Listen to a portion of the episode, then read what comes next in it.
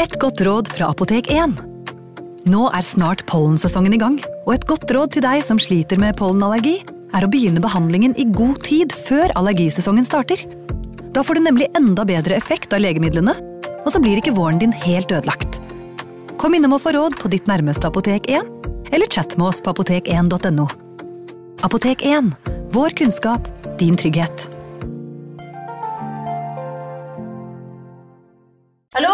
Jeg kommer fra Oslo politikammer. Ine Jansen er purk. Er du purk? The motherfucking bitch. Alt jeg vil, er å finne ut hva som skjedde med mannen min. Jon Carew. Er jeg sikta for noe? Iben Akeli. Det er du. Ole So, Lars Berrum og Big Daddy Karsten. Hvem sin side er du på, egentlig? Anette Hoff, Tone Danielsen, Kommer du fra Afrika? Jørnis Josef, Nesten. Kløfta. Trond Espen Seim, Det er synd å si det, men det var feil mann som døde. Purk. Premiere tirsdag på TV2 Play. Ungsamtalen fra DNB er økonomisk veiledning tilpasset deg som er ung. Bokk en ungsamtale på dnb.no. slash ung. Det er kjempebra hvis du skal inn på boligmarkedet, hvis det er drømmen din, liksom. Det er det du skulle sagt. Og så kunne du ropt litt mer, da, sånn som jeg gjorde. Bam! Advarsel. Historiene vi forteller i denne podkasten kan være fiktive og avvike fra den opprinnelige historien av dramaturgiske årsaker. Meninger og påstander i historiene reflekterer nødvendigvis ikke programledernes meninger eller virkeligheten.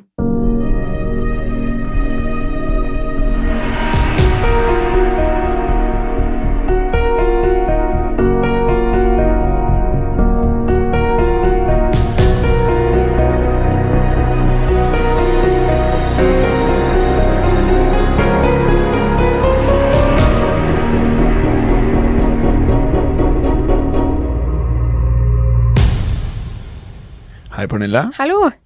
Merker du at jeg sitter litt sånn skjevt i forhold til deg nå? For jeg liksom skal sitte og lese teksten min fra Mac som sitter litt på siden av oss. Ja, jeg ser det. Det er nesten så du har vridd ryggen litt fra meg, men det er, eh, Mhm. det er greit, det. Har du fått deg nye briller, forresten?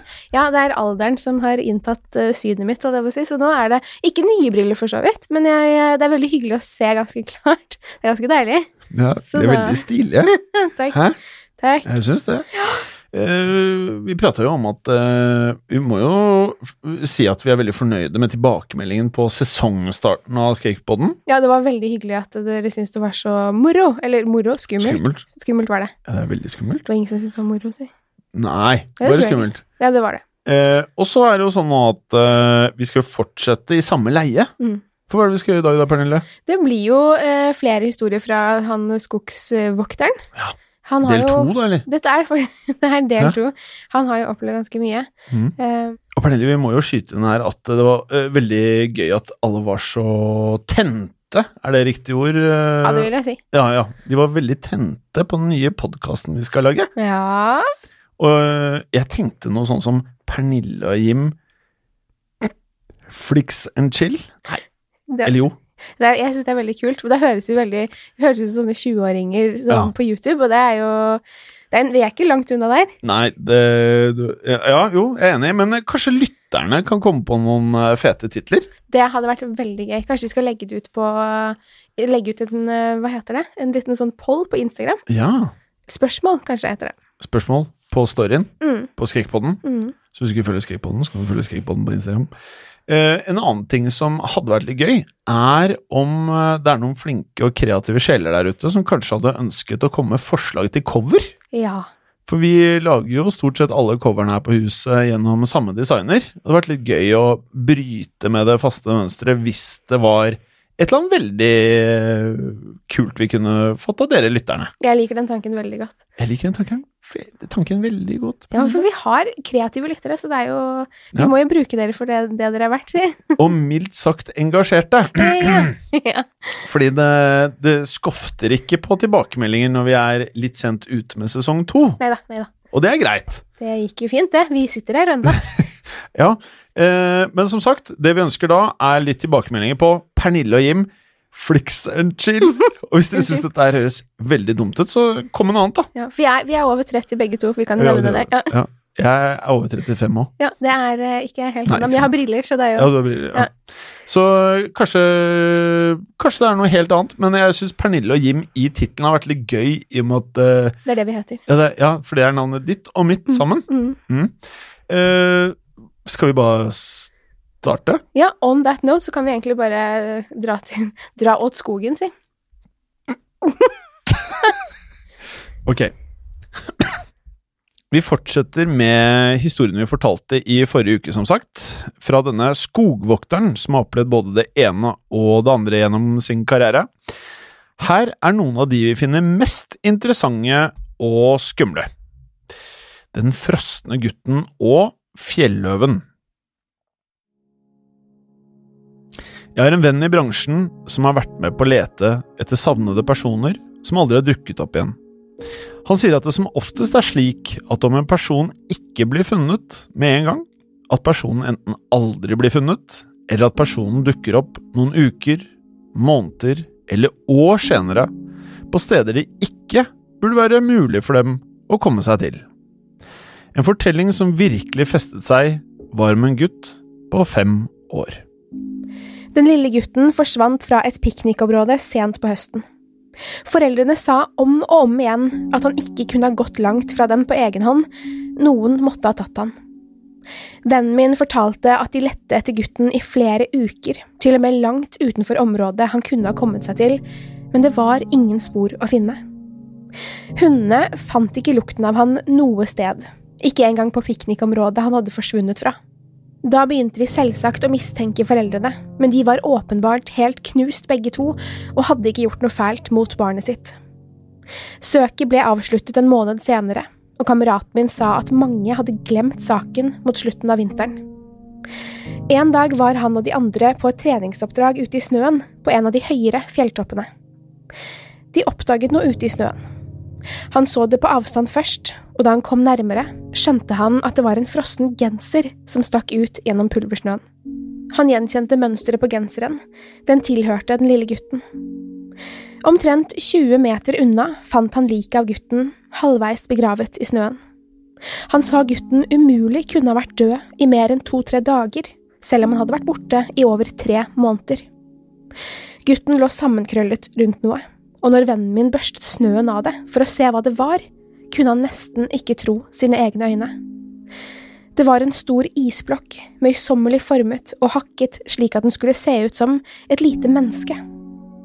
Gutten hadde holdt blokken så tett inntil kroppen at den hadde gitt brystet og hendene hans frostskader. Kameraten min og resten av teamet fikk liket ned fra fjellet. Det som er rart, er at det ikke var noen måte den gutten kunne ha klart å overleve på egen hånd i tre måneder, eller klart å komme seg til denne fjelltoppen alene. Det var ikke engang mulig for gutten å ha vandret 80 km og endt opp på det gudsforlatte fjellet.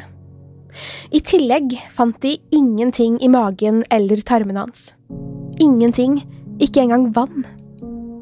Kameraten min sa at det var som om noe hadde nappet gutten vekk fra verden og holdt på ham i tre måneder, for å så droppe han midt på fjellet, der han frøs i hjel like etterpå. Vennen min kom seg aldri helt over det. Det hadde kommet flere rapporter om pumaer, og skogvokterne var ute og så etter dem. En av jobbene våre var å søke gjennom områdene der større dyr hadde blitt sett. Hver gang vi var sikre på at de var der, advarte vi folk og stengte stiene i de områdene det gjaldt. Kameraten min var ute på egen hånd, i en del av nasjonalparken der skogen var svært tett, da han la merke til en lyd som hørtes ut som en kvinne som skrek i det fjerne. Noen av dere vet kanskje at når en puma skriker, høres det ut som en kvinne som blir brutalt myrdet. Skrikene kan være ganske forstyrrende, men de er ikke helt uvanlige. Vennen min kontaktet basen og sa han hadde hørt en puma, og at han ville fortsette i retning av den for å se om han kunne finne ut hvor territoriet til pumaen var. Han hørte pumaen skrike et par ganger til, alltid fra det samme stedet, og kalkulerte omtrent hvor territoriet var. Han hadde akkurat snudd og begynte å gå tilbake mot basen da han hørte enda et skrik, men denne gangen bare noen meter unna ham. Han skvatt og gikk raskere mot basen. Det siste han ville var å treffe på en puma og bli angrepet. Da han kom til stien og fulgte den, merket han at skrikene fulgte etter han. Han begynte derfor å småløpe, og ca. en halv kilometer unna basen stoppet skrikene. Han snudde seg for å se om Puma hadde fulgt etter han. Det var nesten blitt natt på dette tidspunktet, men han kunne likevel se noe luske i skogen bak han. Det var en skikkelse som så ut som en mann. Han ropte ut til skikkelsen og advarte om at stien var stengt, og at han måtte bli med tilbake til velkomstsenteret. Skikkelsen bare sto der, og vennen min begynte å gå bortover mot den. Da han var ca. ti meter unna, tok skikkelsen det han kalte ett skritt så langt at det ville vært umulig for et menneske å gå så langt på et skritt, mot han. Åpnet munnen og skrek. Skriket var det samme som kameraten min hadde hørt hele kvelden. Kameraten min snudde og løp mot basen, uten å se seg tilbake. Idet han kom dit, hadde skrikingen flyttet seg tilbake, inn til skogen igjen. Han sa ingenting om hva han hadde opplevd, til de andre på basen. Bare at det var en puma i området, og at de måtte stenge stiene frem til dyret ble funnet, og eventuelt flyttet til et annet sted. Karens historier. Det er en veteran i skogvakterbransjen som har holdt på med dette i 15 år. Jeg vil ikke utlevere noens ekte navn i historiene her, så jeg kaller henne Karen. Hennes spesialitet er fjellredninger, og hun blir ansett som en av de beste i sitt felt. Jeg har vært med henne på en del treningsoppdrag, og hun forteller mer enn gjerne historier fra tiden i bransjen. Hun har fortalt meg fire historier som virkelig gjorde inntrykk på meg. Jeg fortalte henne en gang at jeg ville høre noen historier om spennende forsvinningssaker. Da lente hun seg mot meg og sa, Vil du høre noe virkelig ekkelt? Hun fortalte om en sak hun jobbet med da hun først begynte som skogvokter. En familie hadde vært ute på tur og plukket bær i nærheten av inngangen til parken. De hadde to små gutter på under fem år, og i løpet av dagen forsvant den ene. Det ble gjennomført en stor leteaksjon, men de fant absolutt ingenting. Dette var enda en av disse sakene der det virket som om offeret aldri hadde vært der. De lette i to måneder før søket ble avsluttet. Så seks måneder senere kom familien tilbake for å legge blomster på en minnestein som hadde blitt reist til ære for sønnen deres. Mens de la ned blomstene, mistet han ut av syne i bare noen sekunder, og i løpet av de sekundene forsvant også han i løse luften. Foreldrene var i sjokk. Det er grusomt nok å miste ett barn, men hvordan det er å miste to, attpåtil på samme måte, er umulig å forestille seg. Leteaksjonen var enorm, den største i delstatens historie. Det var omtrent 300 frivillige som lette i hver eneste minste krok i parken. Igjen var det ingen spor å finne. Og så, to uker senere, så fikk de plutselig en radiomelding av en frivillig som hadde funnet gutten 25 km unna søkeområdet. De hadde antatt at ungen var død, men den frivillige sa at ikke bare var gutten i live, men han var også helt uskadet. Karen og teamet hennes dro ut for å hente han, og da hun kom dit, var det nesten ikke til å tro at dette var gutten som hadde forsvunnet. Klærne hans var rene og pene. Det var slett ikke noe skitt på ham i det hele tatt, og han virket heller ikke traumatisert. Den frivillige sa at han hadde funnet gutten sittende på en trestamme mens han lekte med noen kvister som var bundet sammen med et slags gammelt tau. Karen spurte han om hvor han hadde vært og hvem han var sammen med i de to ukene. Og gutten, han sa han var sammen med den utydelige mannen. Karen spurte hva han mente med utydelig, og gutten beskrev en mann som var uklar, som når du lukker øynene, men ikke lukker dem helt. Han sa at mannen kom ut mellom trærne og tok ham med dypt inn i skogen. Gutten sa han hadde sovet i et hult tre, og at mannen hadde gitt han bær å spise. Karen spurte om mannen var slem, og om han hadde skremt gutten, men gutten sa nei. Han var verken slem eller skummel. Så sa han, men jeg likte ikke at han ikke hadde øyne. Karen fortalte at de fikk gutten tilbake til basen, og at en politibetjent tok ham med til byen for å snakke mer med han om hva som hadde hendt. Hun var venn med betjenten som snakket med han, og fikk derfor vite at gutten fortalte det samme til politiet. Han hadde bodd i et hult tre og fått bær å spise av den utydelige mannen hver gang han var sulten.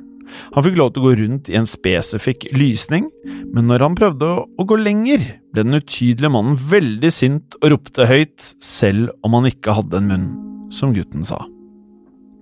Hvis gutten ble redd om natten, ville den utydelige mannen gjøre det lysere for han ved å gi ham kvistbunten.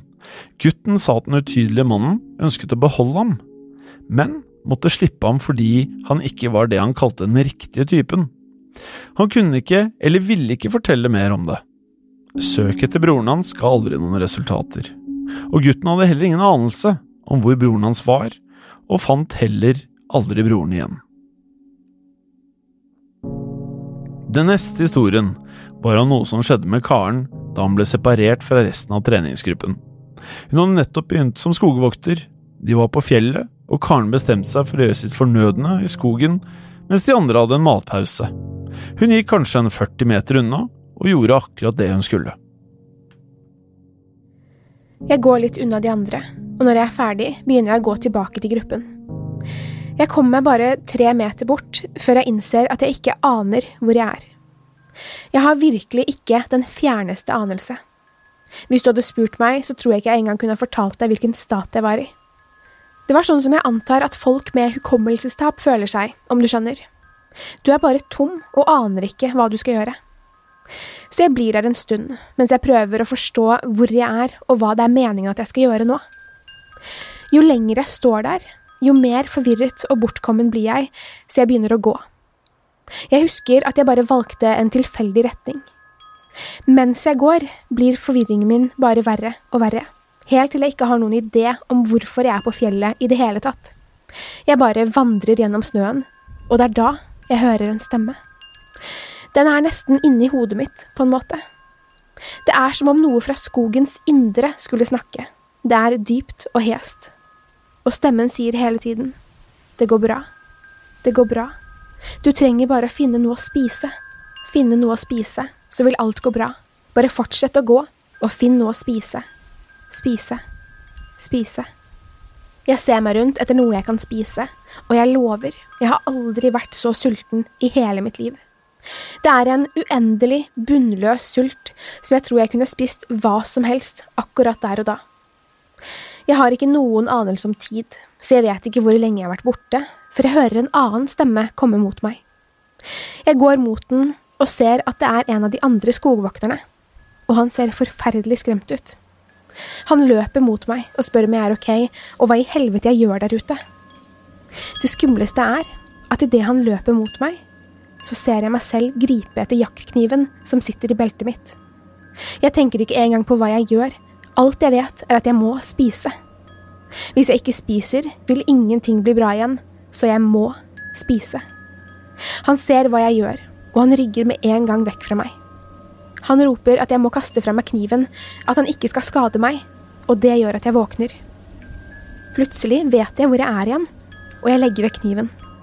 Jeg løper bort til ham og spør hvor lenge jeg har vært borte, og jeg tror han skal fortelle meg at jeg har vært borte i en halvtime eller noe lignende men han sier at jeg har vært borte i to dager. Jeg har vandret over to fjellhøyder og nesten endt opp på andre siden av fjellet. Hvis jeg hadde fortsatt, så ville jeg vært over 50 mil inne i ødemarken. De ville aldri ha funnet meg. Han kan ikke tro at jeg ikke er død, og selvfølgelig vet jeg ikke hva jeg skal tro. For meg har ikke tiden gått i det hele tatt. Jeg sier ingenting, bare bli med han tilbake til basen så et ambulansehelikopter kan komme og ta med meg til sykehuset. Når jeg kommer dit, så tester de meg for alt mulig og prøver å finne ut hva som skjedde.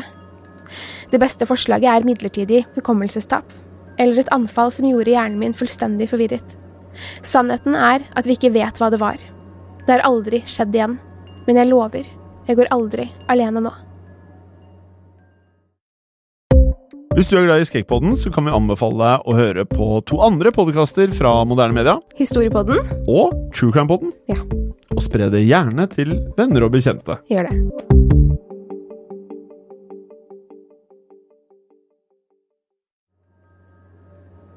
Brannmannens historie.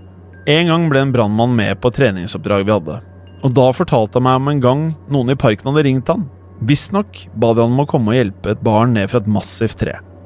Han sa de ikke ga noen detaljer, bare at han måtte komme dit og hjelpe til ettersom de selv ikke hadde det riktige utstyret. De hadde ringt ham fordi treet var så digert at skogvokterne ikke følte seg trygge på å klatre i det selv. De dro omtrent tre kilometer innover i skogen, der teamet stoppet ved et av de aller største trærne i området og pekte opp. Brannmannen begynte å le usikkert, og spurte teamkapteinen hvordan et barn kunne ha kommet seg helt opp dit, men kapteinen bare ristet på hodet. Jeg vet ikke, sa han. Da brannmannen begynte å klatre, lurte han på om de andre spilte ham et puss. Han sa det var helt umulig for et barn å klatre opp dette treet. Det var massivt til bakken, men halvveis opp begynte å bli tynnere. Og noen ganger holdt jeg på å snu fordi jeg ikke trodde at det ville bære vekten av meg, men jeg fortsatte. Da jeg nesten var på toppen, så jeg et glimt av noe blått blant grenene. Det var genseren til gutten, så jeg ropte til ham og ba han om å klatre bort til meg om han kunne, men han svarte ikke. Jeg fortsatte mot ham mens jeg ropte og sa at han ikke måtte være redd, og at jeg var der for å hjelpe han. Da jeg kom bort til han, oppdaget jeg hvorfor han ikke svarte. Jeg fant han, eller det som var igjen av han, liggende på en stor gren som vokste utover til to greiner, smolte han på plass. Jeg vet ikke hvem som hadde satt han der, eller hvorfor, men det var helt grusomt. Guttens tarmer hadde poppet ut av munnen hans og hang nedover greinene. Måten de var drapert nedover greinene, var nesten som et kvalmt juletre. Øynene hans var borte. Jeg antar de hadde blitt skjøvet ut av skallen hans av hva enn som hadde fått hele han til å poppe som en vannballong som blitt klemt for hardt.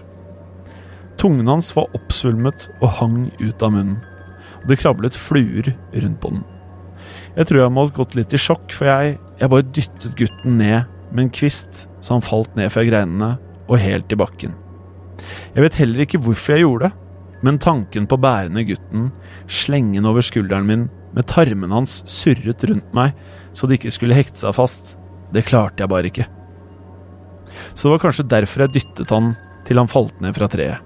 Men da han falt, virket det nesten som om greinene han hadde ligget på, strakte seg ut.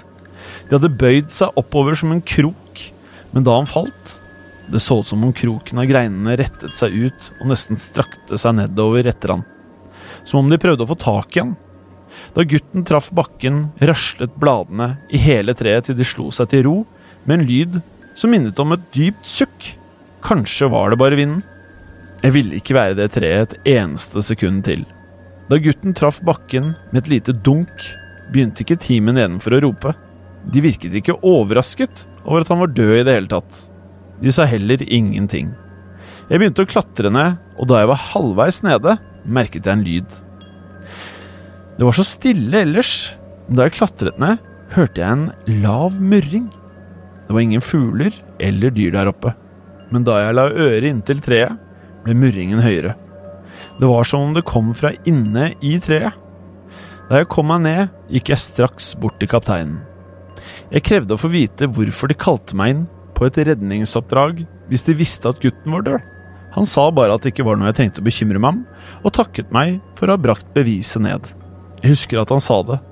Husker det nøyaktig, for det var så rart at han sa det på den måten. Beviset. Som om han ikke var en person engang. Som om han aldri hadde vært et lite barn som gikk seg bort, og som det hadde skjedd noe helt forferdelig med. Mens vi samlet sammen sakene våre og den lille gutten, prøvde jeg å finne ut hva som kunne ha skjedd med han. Det virket nesten som om han hadde havnet i en svær støvsuger som hadde sugd ut innvollene hans. Da burde det vel ha vært flere skader på huden. Det var ingen i det hele tatt. Da vi begynte å gå tilbake, snudde jeg meg og så opp i treet igjen. Alle greinene strakte seg slakt nedover, og de fleste bøyde seg vår retning. Jeg er ganske sikker på at det ikke var så mange grener vendt i den retningen da vi kom.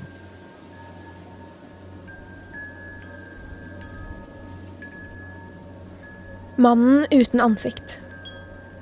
Her om dagen støtte jeg på en gammel venn, Anders, som også er skogvokter. Jeg hadde ikke sett ham på en stund, så vi utvekslet litt historier. Jeg fortalte han om den gangen vi fant en mann som hadde falt ned i en fjellsprekk fordi han ble skremt da han møtte en annen mann uten ansikt. Etterpå fortalte Anders ivrig at han også har sett mannen uten ansikt. Han sa dette. Jeg var ute på treningsoppdrag for noen måneder siden. Den kvelden lå jeg og halvsov i teltet mitt da jeg hørte noen gå omkring litt utenfor teltplassen. Jeg tenkte det kanskje var en av de nye lærlingene som hadde stått opp for å tisse og ikke kunne finne veien tilbake til teltplassen. Jeg sto opp og tittet ut av teltet for å se hva som foregikk. Jeg gikk så til utkanten av leiren og ropte til hvem enn det var som var der ute, at leiren var denne veien. Men de gikk i motsatt retning, ut i skogen i stedet, og jeg gikk etter dem.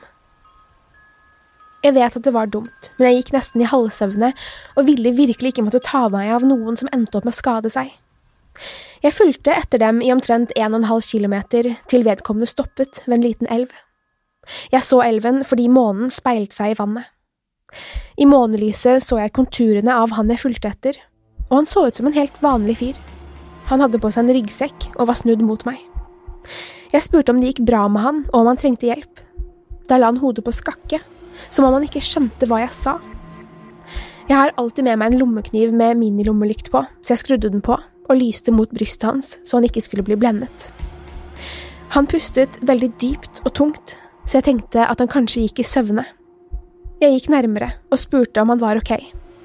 Jeg beveget lommelykten litt opp, og det var da jeg fikk følelsen av at noe ikke stemte, så jeg stoppet.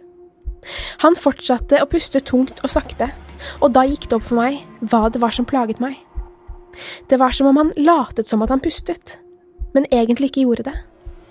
Han pustet for dypt og jevnt og overdrev bevegelsene, for brystet gikk opp og ned i takt med pusten. Jeg ba han fortelle meg hvem han var, og han lagde en slags dempet, hes lyd. Da vendte jeg endelig lommelykten oppover, og jeg lover, mannen hadde ikke noe ansikt. Ingen øyne, nese eller munn, ingen øyebryn engang. Bare en glatt maske av hud der ansiktet skulle ha vært. Jeg stirret, jeg prøvde å forstå hva jeg så på, og da kom han nærmere, uten en eneste bevegelse. Jeg vet ikke hvordan jeg skal forklare det, men et øyeblikk var han ved elvebredden, og i det neste var han fem meter unna meg. Jeg hadde ikke sett bort eller blunket engang, det virket som han beveget seg så raskt at hjernen min ikke klarte å holde følge. Alt den klarte å registrere, var at jeg burde komme meg unna. Jeg snublet bakover og falt. Da så jeg en tynn sprekk på tvers av halsen. Den strakk seg helt opp til ørene hans. Han la hodet sitt bakover. Så begynte sprekken å åpne seg, til et grusomt og unaturlig smil. Smilet var et stort hull som åpnet seg langt halsen. Jeg vet ikke hvordan jeg ellers skal beskrive det. Et bunnløst, mørkt hull smilte til meg fra halsen til mannen uten ansikt. Jeg tror ikke jeg kan kalle det en mann engang, for dette kan ikke ha vært et menneske. Det må ha vært et slags vesen som etterlignet et menneske. Jeg spratt på bena og løp raskere enn jeg har gjort i hele mitt liv. Det hørtes ikke ut som om han fulgte etter meg, men likevel kunne jeg føle ham bak meg, selv om jeg ikke så noe da jeg så meg tilbake. Jeg sprang så fort jeg kunne, og før jeg visste ordet av det, var jeg ved teltleiren. Jeg stoppet ved siden av bålet, som fortsatt brant, og stirret tilbake mot skogen. Først så jeg ingenting. Så fikk jeg øye på et glatt, tomt ansikt mellom trærne. Det kom ikke nærmere, bare sto der og betraktet meg. Etter noe som føltes som en evighet, begynte skikkelsen å rygge inn i skogen igjen. Jeg stirret etter han lenge og vel, og var sikker på at han hadde dratt sin vei. Etter et par timer uten å høre noe mer, gikk jeg inn og la meg igjen. Det høres rart ut, men jeg tror hele opplevelsen var så surrealistisk, det var som om jeg bestemte meg for at jeg innbilte meg hele greia.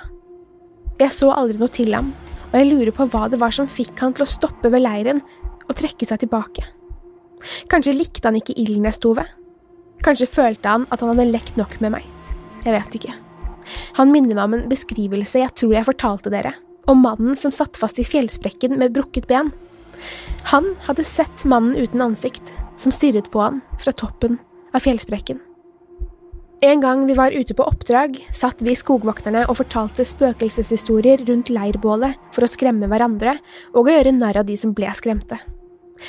En av kvinnene fortalte en historie som faktisk klarte å gå litt innpå meg, og jeg var ikke den eneste som følte det sånn. Hun sa det var en sann historie, men det sier jo alle som forteller spøkelseshistorier om kvelden. Men det var noe ved det som gjorde at jeg trodde på det. Hun fortalte at da hun var liten, pleide hun og venninnen hennes å gå mye på tur i skogen utenfor huset hennes. Hun bodde nord i Maine, som har store deler tett og ubebodd skog. Hun sa at skogen der ikke er som den parken her. Noen steder står trærne så tett at de nesten fullstendig blokkerer solen. Hun og venninnen vokste opp der, og de var ikke særlig redde for å være alene i skogen, men de var alltid litt forsiktige i visse områder. Hun sa at ingen egentlig snakket om det, men likevel visste de at de ikke burde gå mer enn to–tre kilometer innover.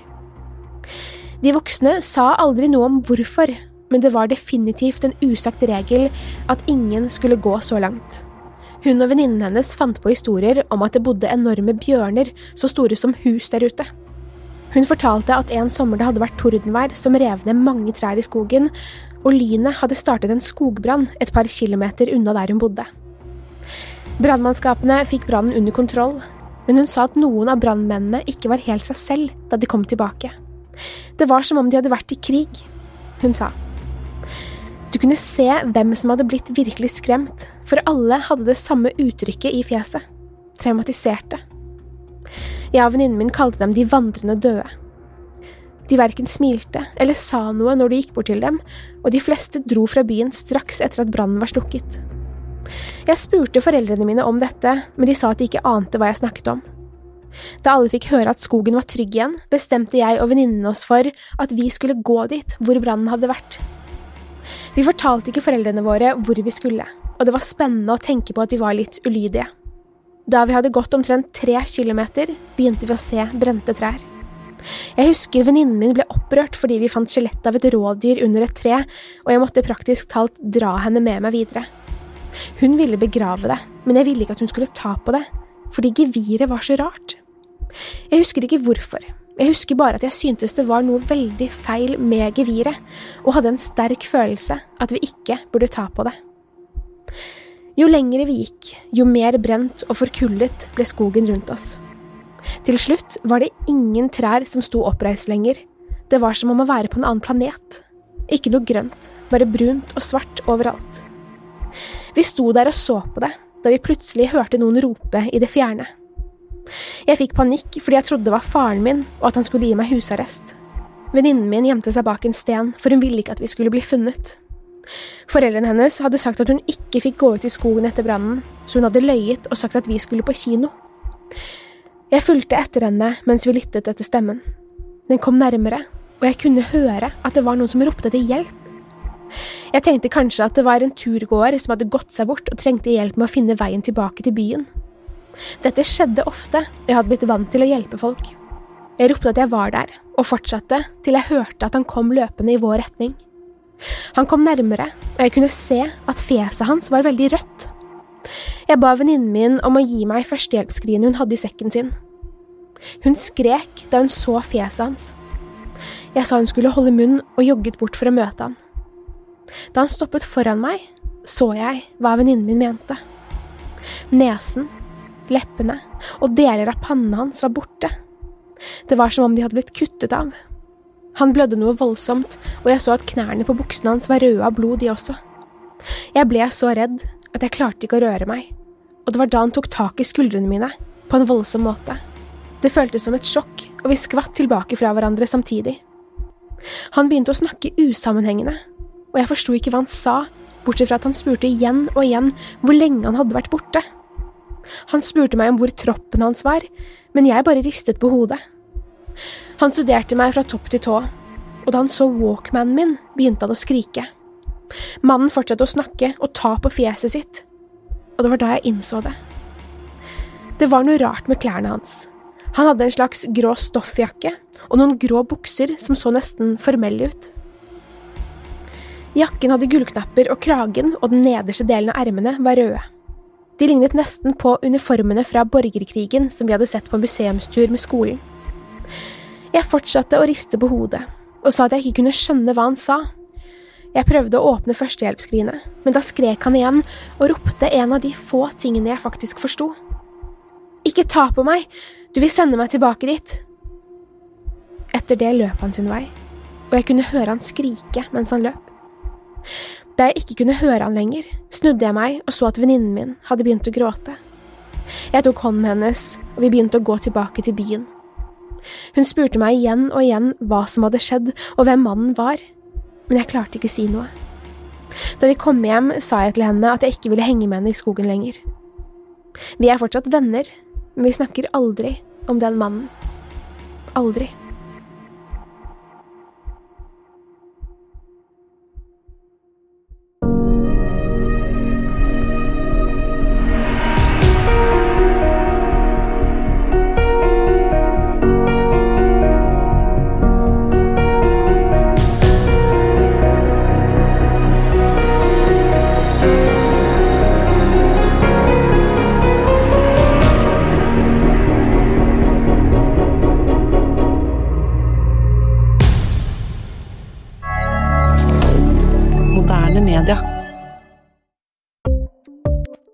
Ukens annonsør er Folio, en smartere banktjeneste for deg som har en egen bedrift eller ønsker å starte for deg selv.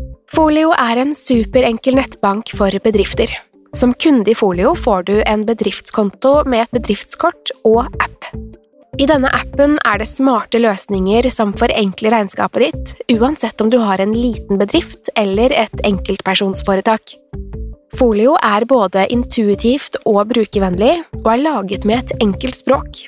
I tillegg tilbyr de forutsigbare priser og ingen skjulte gebyrer. Skulle du likevel trenge det, så kan du snakke med deres raske og hyggelige kundeservice, og der får du prate med en faktisk person og ikke en chatbot. Folio er med andre ord både enklere og koseligere enn banken. Over 10 000 bedrifter har allerede valgt Folio som sin banktjeneste, så besøk folio.no og se hvordan Folio kan forenkle din hverdag også. Har du et enkeltpersonforetak eller en liten bedrift? Da er du sikkert lei av å høre meg snakke om hvor enkelt det er med kvitteringer og bilag i fiken, så vi eh, gir oss her, vi. Fordi vi liker enkelt. Fiken superenkelt regnskap.